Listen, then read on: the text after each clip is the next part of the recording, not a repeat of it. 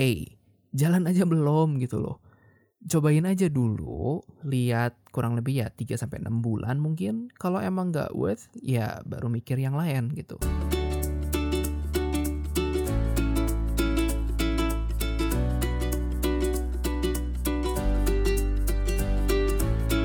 Halo semua, baik lagi di Kerikil Seperempat Abad bareng Rafael. Apa kabar kalian? Mudah-mudahan semuanya sehat selalu dan kerjaan lancar ya. Hari ini, gue mau mendedikasikan episode ini untuk merenung. Merenungkan apa? Merenungkan apa aja yang udah kita pelajari selama sekian episode yang udah kita lewati. Kalau kalian ingat, di episode awal-awal kan gue sempet bilang tuh kalau tujuannya gue bikin podcast ini kan untuk belajar. Nah, hari ini gue mau coba merenungkan nih. Sebenarnya selama ini tuh apa aja sih yang udah gue dapat dari hasil ngobrol sama teman-teman gue yang gue undang ke sini.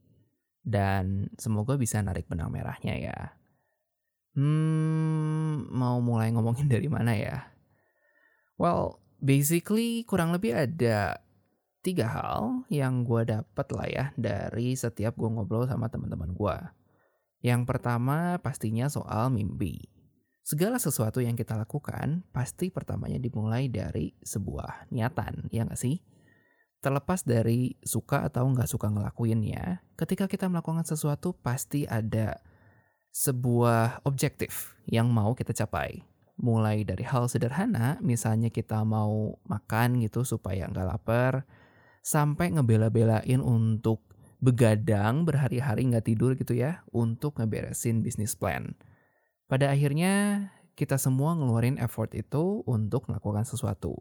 Dan menurut gua, memiliki mimpi juga bisa menjadi sebuah motivasi buat kita untuk selalu berusaha, biar kita bisa merealisasikan mimpi itu.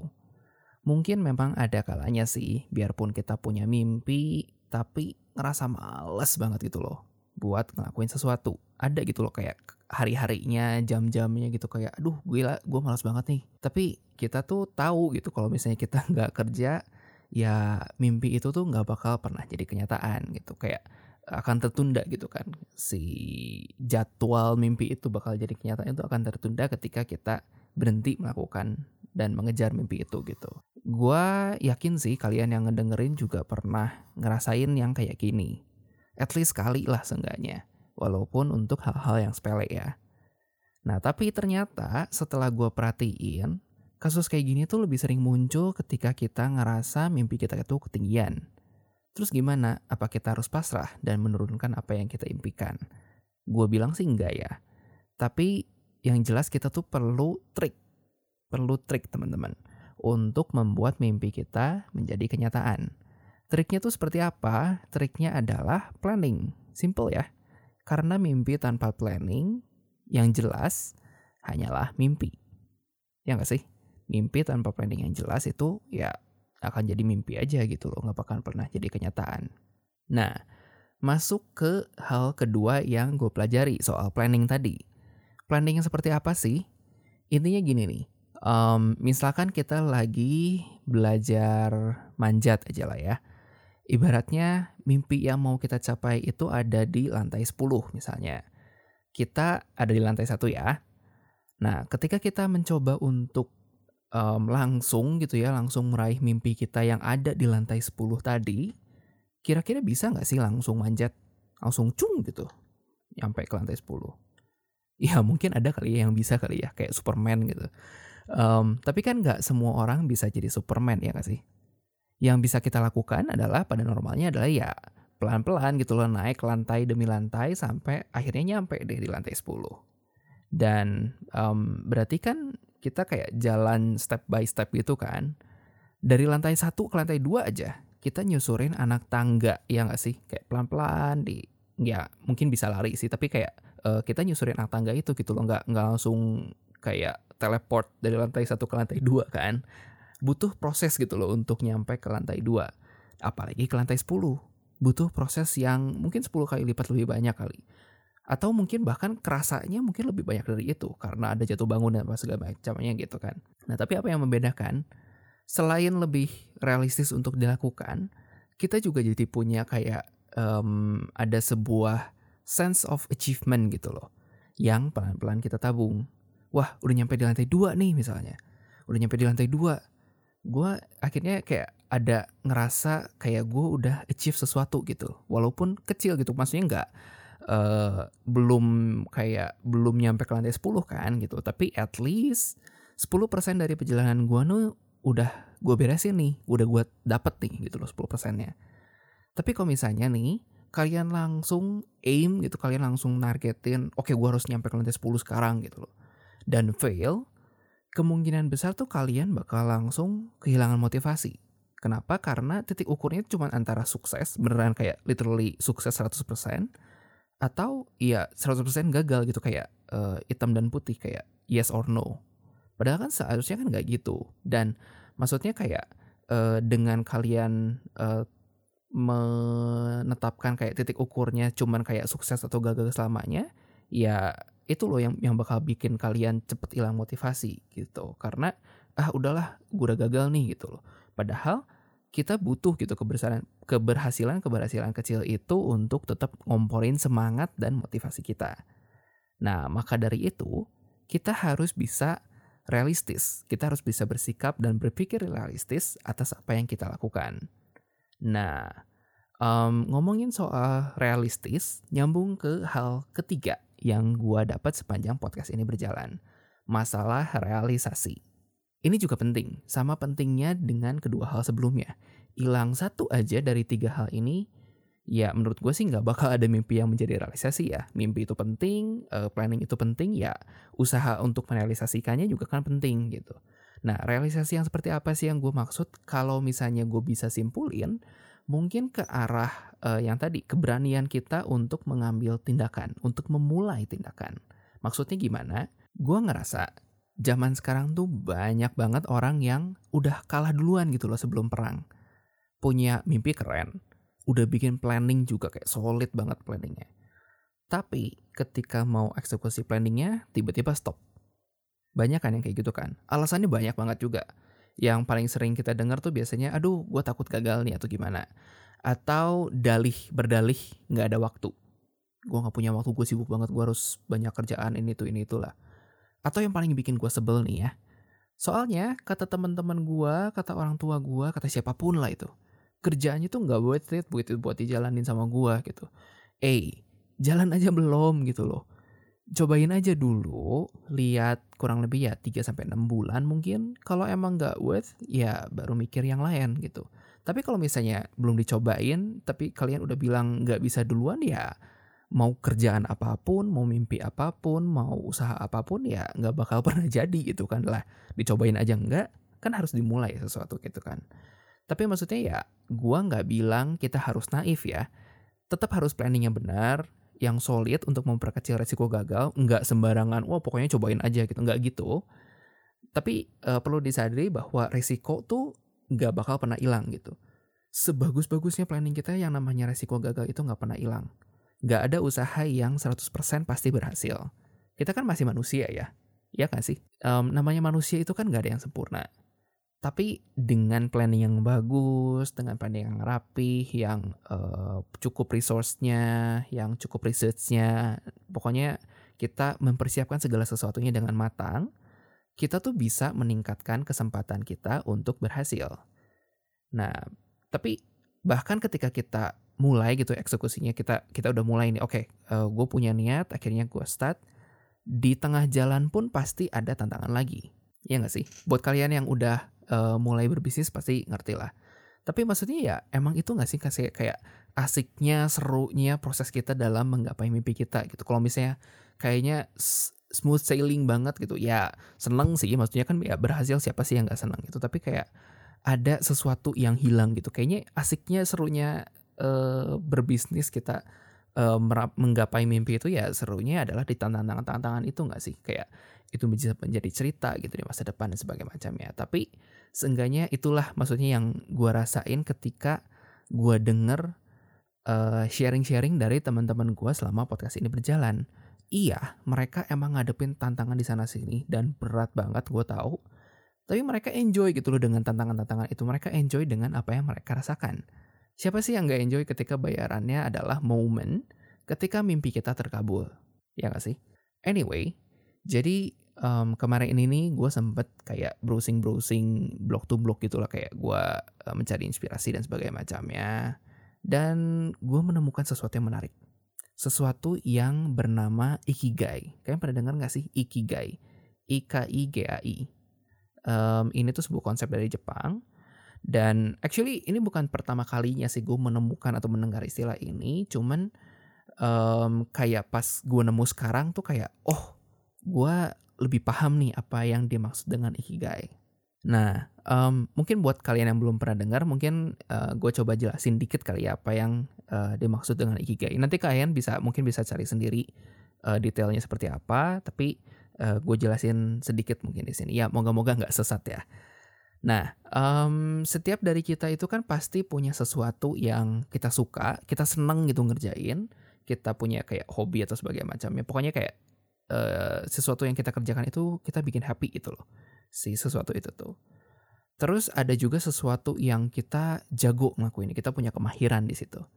Dan ada juga sesuatu dari kita yang bisa dipakai untuk kita nyari duit. Bisa jadi mata pencarian kita. Sesuatu dari kita yang bisa dipakai untuk nyari duit. Dan ada juga sesuatu dari kita yang dibutuhkan sama orang banyak, dibutuhkan sama dunia, sesuatu dari kita yang dibutuhkan orang lain. Ya. Nah, kalau kita gabungin nih, kayak kita pairing dua dua dua dua dan kita cari titik selangnya, nanti tuh bakal ketemu kayak beberapa hal yang mungkin sebenarnya tuh nggak asing sih buat kita. Kayak misalnya kita sering dengar sesuatu yang namanya passion, ya nggak sih? Jadi orang tuh harus punya passion, kerja sesuatu harus sesuai dengan passion dan segala macamnya. Nah passion itu basically adalah sesuatu yang kita suka dan kita jago ngelakuinnya. Kita punya keahlian di situ dan kita enjoy gitu ngelakuinnya. Itu yang disebut dengan passion. Kan selama ini kayak uh, apa namanya kayak banyak orang salah kaprah ya soal passionnya. Kayak oh pokoknya kayak asal dia suka oh ya berarti dia passionnya di situ. Dia senang tidur gitu biasanya uh, berarti dia passionnya di situ. Enggak. Dia uh, dia senang dia enjoy ngelakuinnya kayak uh, biarpun capek-capek juga dikerjain gitu loh ya. Uh, dan dia jago gitu ngelakuinnya dan dia bisa maksimal di situ. Itu passion gitu. Terus ada ada juga yang namanya profesi. Ya. Istilahnya nggak asing kan ya? Profesi, sesuatu yang kita jago ngelakuinnya dan bisa jadi sumber penghasilan dari sana. Gitu. Kita bisa nyari duit dari sana dan kita jago ngelakuinnya. Itu profesi. Um, ada juga yang um, bisa jadi sumber pendapatan juga, kita bisa nyari duit dan kebetulan dibutuhkan juga sama dunia. Um, cuman ini sebenarnya kayak untuk di-define dalam satu word di bahasa Indonesia agak susah ya. Um, ini agak mirip sama profesi, istilahnya sih yang gue temuin adalah uh, vocation gitu. Basically pekerjaan sih, you might not really good at it, you can do it, and people do need it and you get paid for it. Kayak ya kerja gitu kayak yang biasa kalian kalian ngelamar kerja yang kerja di kantor ya kerjaan-kerjaan seperti itulah gitu loh. Kayak mungkin kalian kayak nggak enjoy ngelakuinnya tapi ya orang butuh dan kalian digaji gitu loh. Itu itu kayak vocation tuh yang gue maksud seperti itu gitu. Ya yang jelas sih mungkin lebih sering kita rasakan ya daripada apa yang kita uh, bayangkan gitu. Kita mungkin nggak ngeh itu tuh namanya vocation tapi itu yang gue maksud. Dan terakhir itu mission sesuatu yang orang lain butuhkan dan kita suka buat ngelakuinnya. Kayak misalnya kegiatan kegiatan-kegiatan volunteer yang kayak kalau misalnya kita sering ngelihat kayak ada artis-artis ke desa-desa gitu ngasih sumbangan gitu atau misalnya kalian sendiri pernah kayak uh, melakukan sesuatu untuk anak-anak yatim piatu atau kalian ikutan fun run, kalian ikutan um, donor darah dan sebagainya macamnya gitu loh. Jadi kayak sesuatu yang orang lain butuhkan dan kita enjoy gitu. Kita kayak aduh kita ada sesuatu yang fulfill gitu ketika kita, kita ngelakuinnya gitu. Kegiatan-kegiatan seperti itu gitu. Balik ke soal ikigai, ikigai itu jadinya apa? Ikigai adalah titik temu dari keempat elemen yang tadi yang gue sebutin. Jadi sesuatu yang kita lakukan, sesuatu yang suka kita lakukan, kita yang enjoy gitu lakuinnya, kita uh, jago juga ngelakuinnya, orang lain butuh juga, dan kita bisa ngasilin uang dari sana gitu. Jadi keempat elemen itu menjadi satu dan inilah yang dinamakan ikigai. Tadi gue bilang kan ya konsepnya ini kan asalnya dari Jepang. Dan orang-orang Jepang ini menyimpulkan kalau ikigai itu merupakan kayak sebuah Um, a reason for being katanya. Kalau di Indonesia kan jadi apa ya bingung juga. Um, kayak apa ya kayak nggak ada yang pas gitu. Um, tapi kurang lebih kayak jadi um, sesuatu alasan kenapa kita ada kayak the reason of your existence nggak juga. Tapi kayak ya itulah alasan kita tuh perannya di dalam dunia itu tuh apa gitu loh. Ngerti nggak sih kayak uh, alasan kenapa kita ada itu? Um, mungkin secara nggak sadar, gue bikin podcast ini juga mungkin uh, dalam benak gue yang terdalam tuh untuk menemukan ikigai buat gue sendiri gitu. Mungkin ya.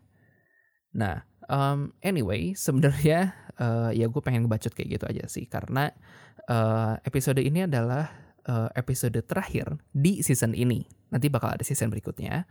Gue mau rehat dulu uh, dari podcast ini kurang lebih ya 1 sampai 2 bulan, mungkin tiga bulan. Karena gue mau fokus untuk ngerjain project yang lagi gue garap saat ini. Dan well maybe sekalian promosi kali ya gue jelasin dikit. Uh, basically kita semua tahu dong betapa strategisnya negara kita. Dari segi geografis, dari segi ekonomi, pokoknya strategis pola negara kita tuh. Dan buat yang belum tahu nih, kita tuh sekarang tergabung dalam sebuah hubungan internasional yang disebut sebagai Regional uh, Comprehensive Economic Partnership atau RCEP buat singkatnya ya. Nanti kalian bisa tahu uh, cari tahu sendiri, bisa googling sendiri ini tuh apaan. But basically sih perjanjian ekonomi kayak free trade agreement, tapi ada sesuatu yang lebih kompleks lagi sih yang uh, yang kalian harus uh, baca sendirilah, nggak mungkin dijelasin sini. Uh, basically sebuah perjanjian ekonomi antara negara-negara uh, di ASEAN, uh, ditambah sama Jepang, ditambah Korea Selatan, ditambah China, ditambah uh, Australia, ditambah New Zealand, ditambah India juga. Apa lagi ya? Kayaknya sih itu aja sih. Uh, nanti kalian cek lagi sendiri ya. Uh, tapi kurang lebih uh, kayak perjanjian ekonomi antar negara-negara ini gitu. Nah, um, berarti kita tuh bisa expect bakal banyak banget kesempatan buat kita buat memulai bisnis dengan uh, di skala internasional gitu. Kita bisa berhubungan dengan orang-orang dari negara-negara ini loh nantinya. Uh, barriernya tuh akan lebih uh, pecah lah gitu. Uh, barriernya kan kalau sekarang kan kayak ya orang perlu ini itu gitu kalau misalnya pengen bikin bisnis dengan skala seperti itu. Nah sekarang uh, ke depannya mungkin si barrier ini tuh akan uh, tiada mungkin ya Apalagi kan sekarang zaman udah canggih ya. Kita udah nggak perlu pergi ke sana sini lagi secara fisik untuk ngurusin bisnis di lingkup internasional. Dan mungkin selama kita di zaman PSBB ini mungkin kita udah disadarkan kalau misalnya kita itu mampu berbisnis full online. Kita nggak perlu kayak pindah-pindah mobile segala macam. Kita bisa kerjain bisnis kita di mana pun dan jalan gitu loh bisnisnya. Tapi ya, untuk nyampe ke sana kan perlu skill komunikasi yang memadai juga untuk menghindari clash yang ya nggak terduga gitu ya. Namanya orang berkomunikasi kan pasti ada miskomunikasi, makanya uh, perlu belajar teknik komunikasi yang proper gitu. Dan um, gue nggak tahu sih gue pernah share ini uh, juga ke kalian atau nggak di sini. Tapi gue ini kan orangnya introvert banget ya sebenarnya ya. Dan well mungkin kelihatan juga sih dari cara ngomong gue kali ya tapi beruntungnya, gue ada di lingkungan yang memaksa gue untuk keluar dari zona nyaman gue. Dan gue bisa lepas dari kontrol ke introvertannya gue. Introvertan. Ini jelek banget. Ya pokoknya itulah ya. Maksud gue, uh, gue bukan bilang kayak introvert itu sesuatu yang jelek ya. Tapi um, dari dulu kan gue emang pengen punya usaha sendiri gitu. Ya jadi entrepreneur lah kayaknya agak susah gitu loh kalau misalnya gue jadi seseorang yang benar-benar introvert banget, gue nutup diri terus. Dan actually like um, di sisi lain tuh gue sebenarnya cukup enjoy ketika gue perform atau well basically tampil di depan orang gitu. Tapi gue nggak bisa tuh kayak kayak tiba-tiba nyemplung ke tengah kumpulan orang yang tidak dikenal terus memulai conversation gitu. Nah itu gue nggak bisa banget. Nah, tapi makin ke sini, mungkin berhubung gue juga backgroundnya di marketing, terus gue juga berkecimpung terus di eh, komunitas-komunitas, dan kemudian gue juga kan waktu itu sempat uh, ikutan public speaking training juga gitu. Ya, akhirnya bisa tuh masih kayak gue nge-push diri gue untuk uh, take control of my introversion gitu ya. Yang menurut gue di zaman sekarang tuh hampir semua orang perlu karena semuanya kan perlu berkomunikasi ya nggak sih? Biarpun sedikit perlu berkomunikasi dan biarpun sedikit juga perlu memperkecil resiko untuk miskomunikasi karena sesuatu kesalahpahaman kan terjadi sebenarnya dari yang kecil-kecil kan ya nggak sih? Karena hal-hal yang kecil ini disepelekan akhirnya jadi besar ya nggak sih? Makanya namanya komunikasi itu penting. Nah dari sana gue kepikiran untuk bikin sebuah uh, project yang bisa membantu teman-teman semua untuk meningkatkan skill online public speaking terutama ya, yang terbuka untuk siapa aja yang terhubung ke internet. Jadi sebenarnya nggak harus orang di Indonesia pun sebenarnya bisa gitu. Aim jangka panjangnya ke sana, tujuan jangka panjangnya ke sana. Nah, tapi untuk sekarang gue bakal mulai dari buka kelas presentasi online dulu. Dari yang basic ya kan presentasi kayaknya semuanya butuh dan kepake gitu loh di mana-mana gitu. Gue bakal mulai dari sana uh, perlahan-lahan akan berkembang dan semoga aja gue bakal ketemu uh, ikigai dari langkah-langkah yang gue lakuin ini gitu.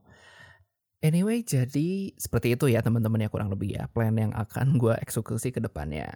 Actually udah mulai sih sebenarnya. Um, buat kalian yang penasaran bisa langsung cek aja ke websitenya di www.jagongomong.com. Jagongomong.com disambung semua ya. Uh, atau langsung kontak aja WhatsApp admin kita di 0811 2233 0198. Nanti linknya bakal gue taruh juga sih di description box seperti biasa. Uh, oh iya juga um, cek buku gue ya, Subjugation, seperti biasa. Jangan sampai lupa. Dan pastinya jangan lupa juga buat follow podcast ini buat yang belum, karena Kerikil seperempat abad bakal kembali dengan cerita-cerita inspiratif buat kalian semua uh, kayaknya udah sih itu aja. So, thank you banget buat kalian yang udah dengerin. Jangan lupa juga buat share ke teman-teman kalian, biar apa yang kalian dengarkan gak cuman berhenti di kalian aja. So, sekarang saatnya gue pamit, dan sampai jumpa lagi di cerita Hill